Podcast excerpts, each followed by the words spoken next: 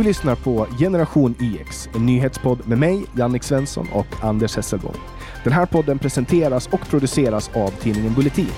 Om du vill vara först med att höra nya avsnitt av Generation IX får du tillgång till dessa genom att bli pluskund på bulletin.nu. Då får du samtidigt tillgång till allt premiummaterial och alla Bulletins poddar före alla andra. Du kan ladda hem Bulletins app gratis och du hittar länkar i beskrivningen till det här avsnittet eller på vår hemsida www.genix.se. Välkommen... Okej, okay, nu då. Välkommen tillbaka Jannik! Tack Anders. Vi måste nästan ha med vårt intro där tycker jag.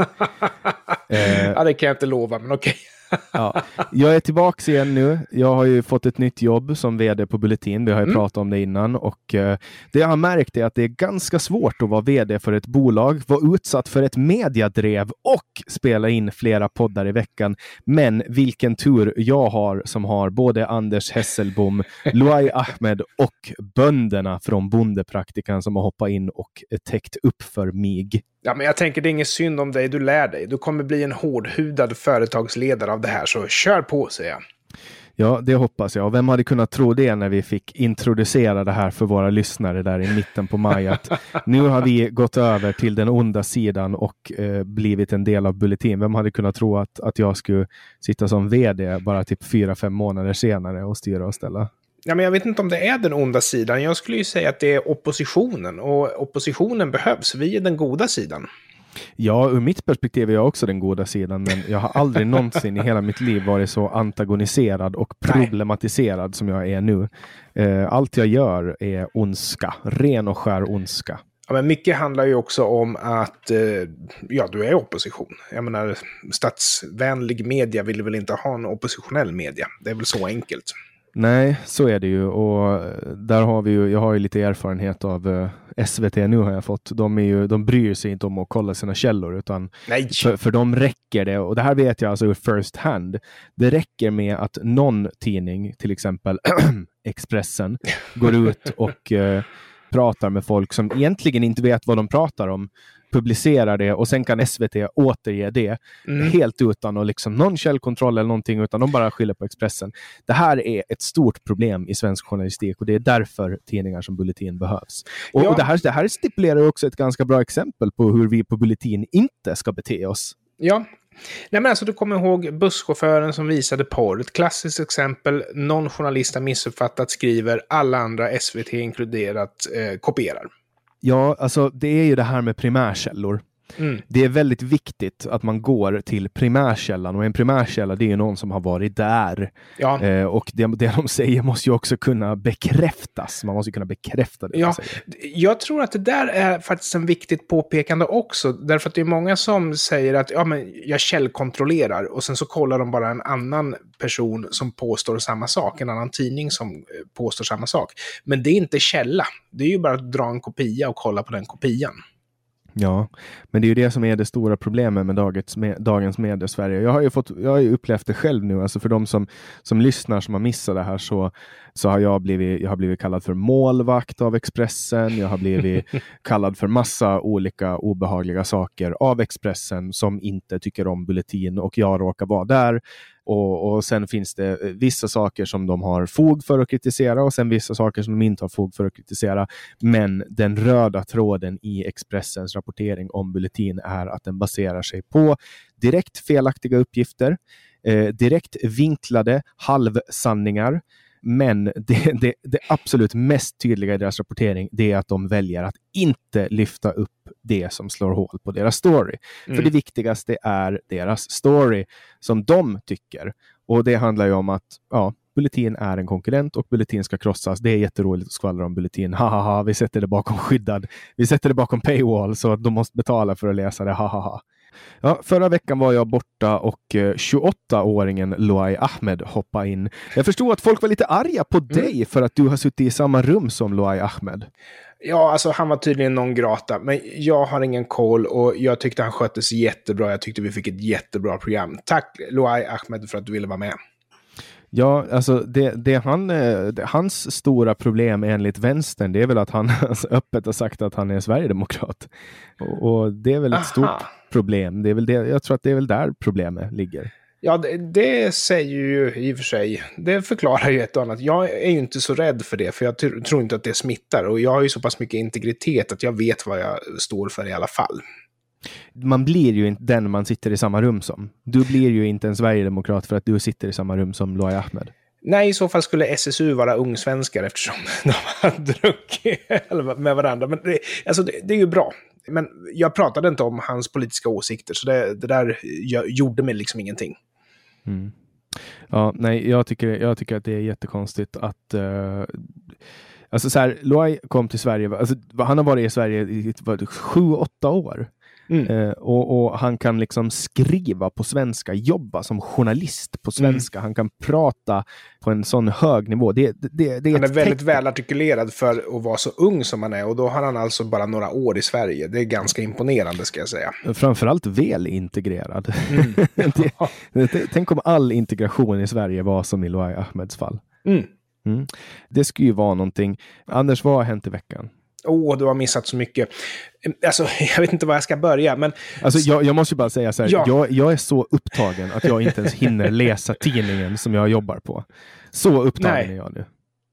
Ja, men alltså, till att börja med så har vi ju det här att Sveriges Radio, de bannlyste ju artister för som inte passade. Eddie Medusa och det stuket. Men nu snarare lyfter man ju fram gangsterrapparna och jag skulle kunna tänka mig att det beror på att gangsterrapparna är på riktigt. Deras hot är på riktigt och därför blir det lite spännande för brudarna som jobbar på Sveriges Radio.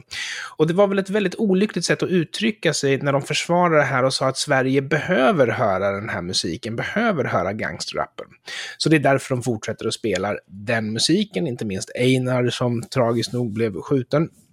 Och jag kan ju bara säga, jag önskar att jag vore musikredaktören på P3 och att det var jag som bestämde vad svenska folket behövde höra. Då skulle jag spela progressive rock, då skulle jag spela Rush och Kansas, så skulle jag spela jazz, skulle de få höra på Chick Corea och Dave Vettel. Det skulle bli bra grejer, men alltså varför inte bara göra underhållningsdelen av public service frivillig att betala för, så som till exempel BBC har.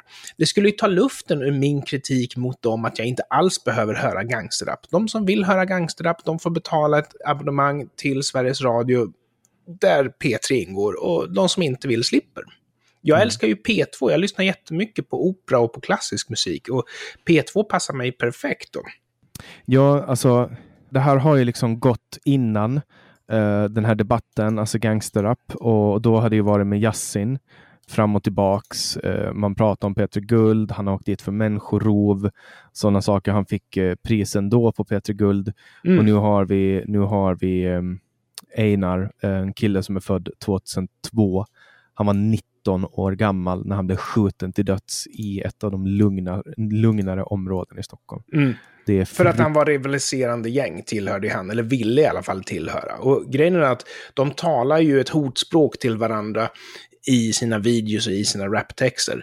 Det är inte stor konst så som jag skulle vilja uppfatta att P3 beskriver det här som, utan det är ju snarare de spänner musklerna åt varandra, det är det de gör. Och eh, det är bra musik, säger vissa jag kan nog inte säga att jag tycker det. Jag har ju provlyssnat nu på det här eftersom jag vill veta vad det handlar om. Det känns väldigt mycket som att det är fabrikstillverkad dussin hiphop om jag ska vara ärlig. Ja, nej men det är fruktansvärt. Alltså det, det är, jag vet inte, jag vet inte ens hur man, vad, vad, man kan säga om det här. Alltså, nej, men det, det, det är bara fruktansvärt tragiskt. Mm. Um. Och värre blir det du och jag, vi gillar 1984. Jag läser just nu i Cambridge Today att ett skolbibliotek på en grundskola har tagit bort böcker som kan vara skadliga för studenterna och även för personalen som jobbar där att exponeras för. Och jag menar, finns det skadlig litteratur, då är väl det jättebra att de avlägsnas från biblioteken, självklart. Inget snack om det.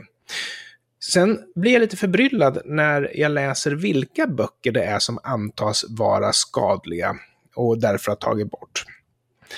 Du känner kanske till Tjänarinnans bekännelse, Margaret Atwood, den heter ju The Handmaid's Tale på engelska.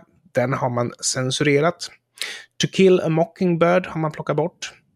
Flugornas herre har man plockat bort. Där har du tre exempel på böcker som alltså har plockats bort på grund av att de är farliga. Och, alltså en gång läste man ju de här i svenskan och engelskan, en gång, respektive ja. språk i skolorna. Flugornas herre tror jag var obligatorisk läsning när jag gick i skolan. Den ingick liksom i böckerna man skulle läsa. Och i övrigt så ska jag ju säga att alltså, det är ju viktiga böcker alla tre de här.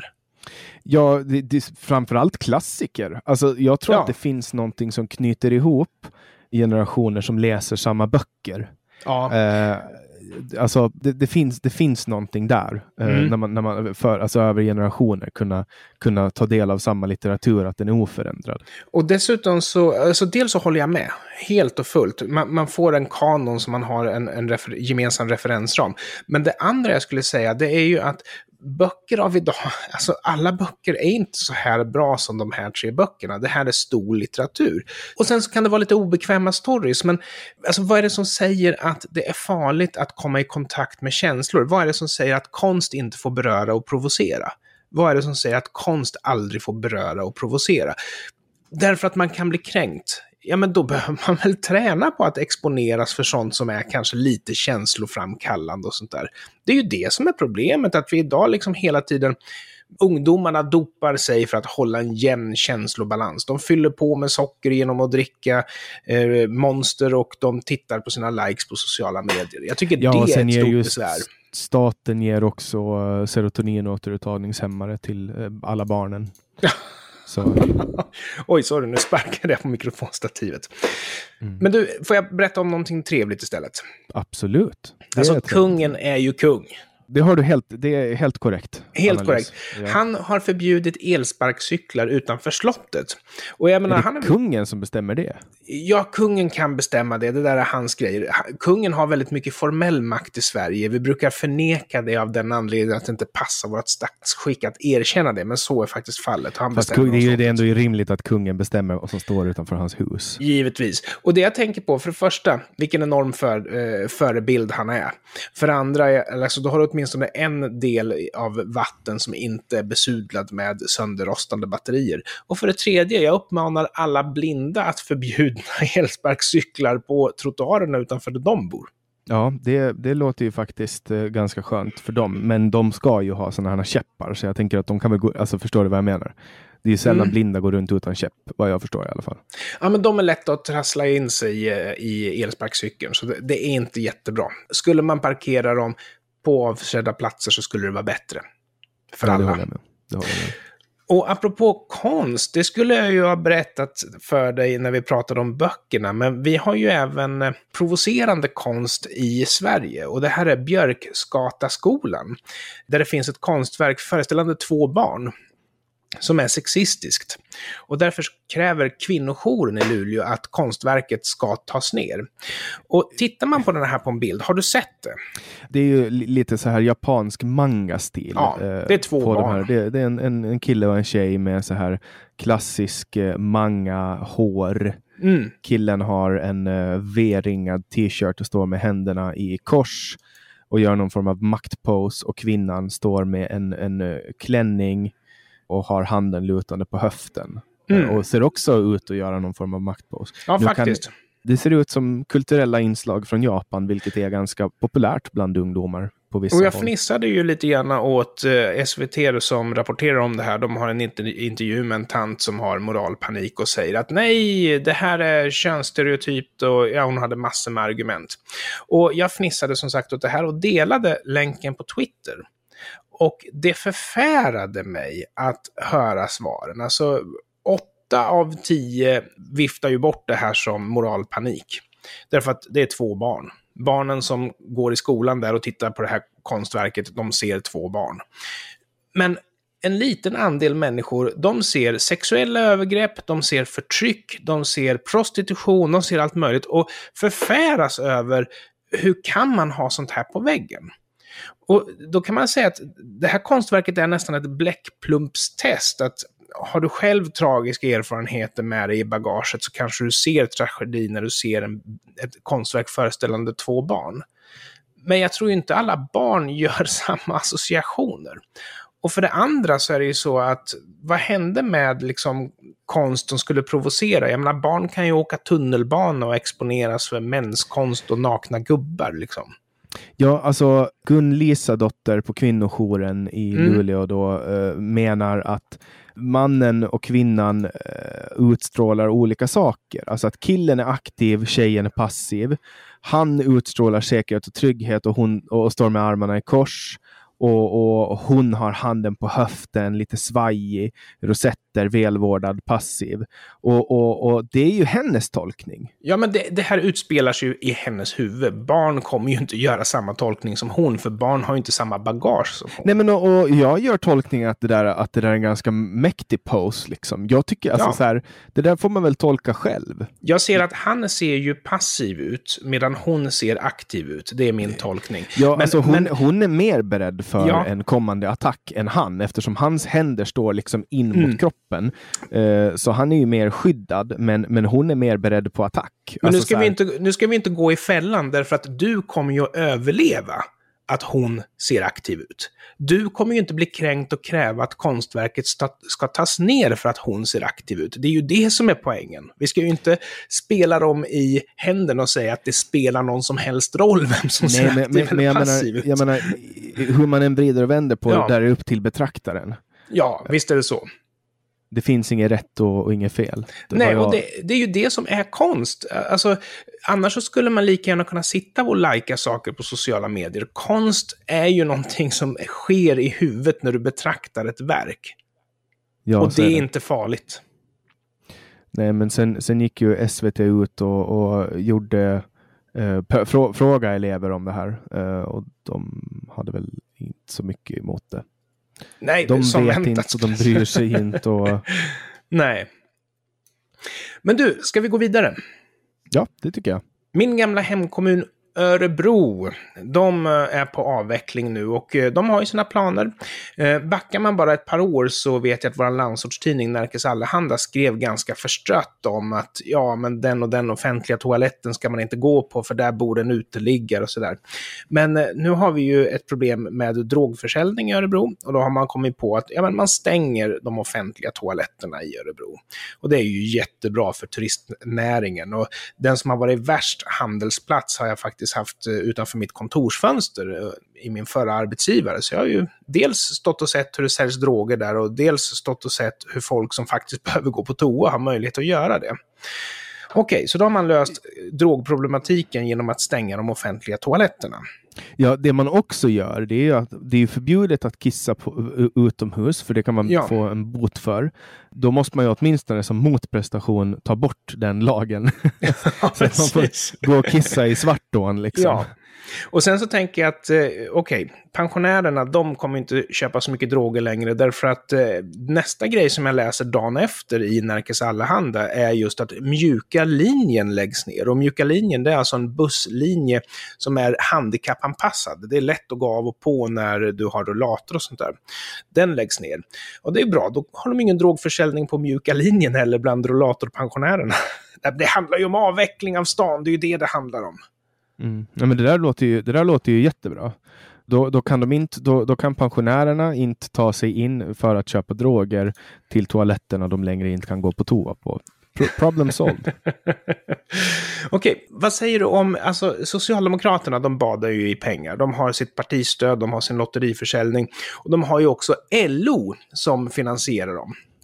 Och LO de får ju sina pengar från att de tar en medlemsavgift till sina med, från sina medlemmar som de ska använda för att företräda medlemmarna i eventuella konflikter och sådana här saker. Men det de också gör det är att stötta Socialdemokraternas valkampanj det här känner du till, ja, hoppas jag? Ja, ja, gud ja. Det, det var ju LO som satt dit uh, svetsar Stefan Löfven. Ja. Uh, för, att, för att Socialdemokraterna själva inte kom fram med någon. Och, och Socialdemokraterna är beroende av deras pengar och uh, en stor del av LO, LOs eller jag vet inte hur stor del, men en del i alla fall, som till sist och slutligen blir en ganska stor ekonomisk eh, ersättning, går direkt från LOs medlemsavgift. Mm. Och, och, Det jag antar att du tänker smyga in på nu är att eh, endast 22 eh, procent av LOs eh, medlemmar uttryckligen vill stödja eh, Socialdemokraterna ekonomiskt, ja. medan 53 procent säger nej. Ja. Eh, och 25 procent säger vet ej. Och då tänkte jag, var kommer de här siffrorna ifrån? Så jag kollade, Statistiska centralbyrån har ju naturligtvis kollat upp det här. Enligt de aktuella opinionsundersökningarna så ligger ju Sverigedemokraterna på knappt 20 procent när det gäller partisympati. Medan tittar man bara på LOs medlemmar så är det över 25 procent, nästan 26 procent av deras medlemmar som är Sverigedemokrater. Och jag vet inte, Sverigedemokrater generellt kanske inte tycker det är så jäkla roligt att jobba ihop pengar för att deras juridiska företrädare ska ge bort dem till den politiska fienden kanske, jag vet inte. Nej, det, kän, det känns inte som, som att det är så rimligt. Men jag menar, man kan ju, kan man uh, gå ur LO eller är det tvång på att man måste vara kopplad till ett Eh, alltså, ja och nej. Du kan gå ur som privatperson, men däremot så är det så att man använder tvång för eh, kollektivavtal och sådana saker. Och eh, jag har en arbetsgivare som aldrig någonsin har brytt sig om facket, men som har skaffat kollektivavtal för att komma åt vissa förmåner när det gäller att permittera folk under pandemin och sådana här saker. Så det blir ju lite grann ett tvång att man måste liksom skaffa kollektivavtal för att få vissa förmåner. Så det, det finns ju en diskriminering mot arbetare som inte är fackligt eh, engagerade. Den saken är ju klar. Ja, jag, jag var ansluten till ett fackförbund, eh, men jag var aldrig ansluten till a-kassan. Nej. När jag jobbade i Stockholm förut. Och det hade att göra med att jag inte tyckte att jag behövde ha en arbetslöshetsersättning eftersom det är väldigt lätt att få jobb om man är beredd att ta ett säljjobb. Mm, mm. Alltså är man beredd, alltså jag ser det här ofta i Facebookgrupper för, för uh, folk som söker jobb, att de vill inte ha jobb som försäljare. Nej. Och, och jag menar, jag har aldrig någonsin haft problem att hitta jobb när jag har varit beredd att ge mig in i försäljningsbranschen. Alltså. Nej, alltså, det är ju bra att folk är beredda att göra olika saker och jag menar för att komma in i branschen är det ju alldeles utmärkt bra. Eller för att överhuvudtaget komma in och få ett jobb när det är tuffa tider. Jag menar i början på 90-talet när det var tuffa tider, då hade jag jobb som försäljare liksom under en period tills jag hittade någonting bättre. Men vad, det är ju alltid... Du? Eh, försäkringar till barn. Alltså, nej, inte ringde till barnförsäkringar sålde Men Det gick eh, till barn på, i lågstadieskolor och så här, skriv under här så får du en glass. Ja, men det är ju, när jag söker nya jobb, då är det ju lättare att eh, få dem om det är så att jag kan påvisa att jag faktiskt har ett jobb idag. Och det är ju ett bra knep för den som vill in i marknaden, att man visar att man kan jobba med vad som helst, då blir man liksom mer anställningsbar. Eh, och ja, jobb, man brukar ju, ju... Arbets, arbetsgivare brukar ju dra lite på ögonbrynen om någon har sagt upp sig från sitt jobb eller slutat på sitt jobb och sen börjar söka nya. Ja, ja, precis. Det, det, är lite konstigt, för då är det ju någonting som inte har funkat. Men jobb, det kommer vi att få problem med i Sverige. Du känner ju till hela den här Cementa-historien och den rullar ju självklart vidare som en fars. Alltså, de har ju eh, sökt om förlängt tillstånd att bryta, de fick det godkänt, men sen så blev det överklagat till högre instans. Okej, okay. och då visade det sig att när man bryter kalk så skapar man stenruiner som är näringsfattiga. Och då visade det sig i sin tur att det finns en blomma som heter nipsippan som trivs i sådana miljöer och således har slagit rot i deras karga miljöer som de lämnar efter sig. Men den här personen i högre instans som överklagade, det visade sig att det var en aktiv miljöpartist. Och dessutom så var det ju en i rörelsen som hade köpt en tomt också i närheten där. Så det här var ju alltså en aktivistfråga, det var inte sakligt gjort. Och jag vet att det är många som är arga på Cementa för att de hade dålig framförhållning, men de spenderade alltså miljoner på en konsekvensanalys och de lämnade in sin ansökan i god tid. Sen har det förhalats på myndighetsnivå. Och myndigheter anses ju vara ofelbara, så då skyller man ju tillbaka på Cementa. Men det är alltså aktivism det här handlar om. Och jag hade det på känn hela tiden. Men du, innan vi lämnar eh, våra lyssnare därhän så vill jag jättesnabbt säga att eh, vi har ju alltså nu en forskare som riskerar åtal och det här är ju också en sån här grej som vi behöver bevaka för det här är inte bra för samhället. Det här ligger i linje med de förbjudna böckerna på biblioteket kan jag säga. För att få forska så behöver du ett etikprövningstillstånd. Och det här ska ju skydda personer när du handskas med känsliga uppgifter. Det som har hänt här är att en forskare som har ett etikprövningstillstånd har tagit in parametrar som han har kommit på under resans gång som han behöver ha för att kunna bedriva sin forskning. Och nu riskerar han åtal därför att en av de parametrarna som han tog in var sexualbrott och utländskt ursprung. Och grejen är att det här, det som gör mig lite irriterad här, det är att du kan inte forska utan att kunna ta till dig de parametrar som du behöver för att undersöka det du ska undersöka, för det första. Och för det andra så är det så att antal med utländsk bakgrund som begår ett sexualbrott är inte en personlig uppgift. Det är siffror, det är statistik. Så här handlar det ju snarare tvärtom om att det här är information som man inte vill att forskarna ska handskas med för att det är obekvämt av en eller annan anledning. Men det är ja, inte forskning som kommer hänga vet, ut någon. Ja, men för att veta att det är obekvämt, då måste man ju ha en känsla av vad det kan säga. Ja. alltså, vad kan forskningen ge utslag på? Ja, och förmodligen så skulle han inte forska här för att racka ner på folk med utländsk bakgrund, utan han behövde ha datat, men det skav att han tog in just de parametrarna från Brå. Mm. Nej, men det kan man också göra. Åtala dem till tystnad. Tankeförbud. Ja, exakt. Och eh, tankeförbud kanske vi pratar om nästa vecka, eller vad tror du, Anders? Ja, men det ska bli kul. Det är så kul att du är tillbaks. Nu känns det som vanligt igen. Ja, det hoppas jag. Och till er som har lyssnat hoppas jag också att ni är nöjda och glada över att jag är tillbaka. Det får man ju i alla fall hoppas. Ja, jag tackar dig Anders. Jag tackar er som har lyssnat och hoppas att ni tycker om det här. Och ni som tycker om det här extra mycket kan ju gå in och bli plusprenumeranter på bulletin.nu. Då får ni ta del av den här podden några dagar före alla andra och ni får ta del av Radio Bulletin som är en exklusiv podd. Ni får samtal och Bondepraktikan en vecka före alla andra. Så gå in på bulletin.nu nu direkt och bli plusprenumerant. Tack för den här veckan, Anders.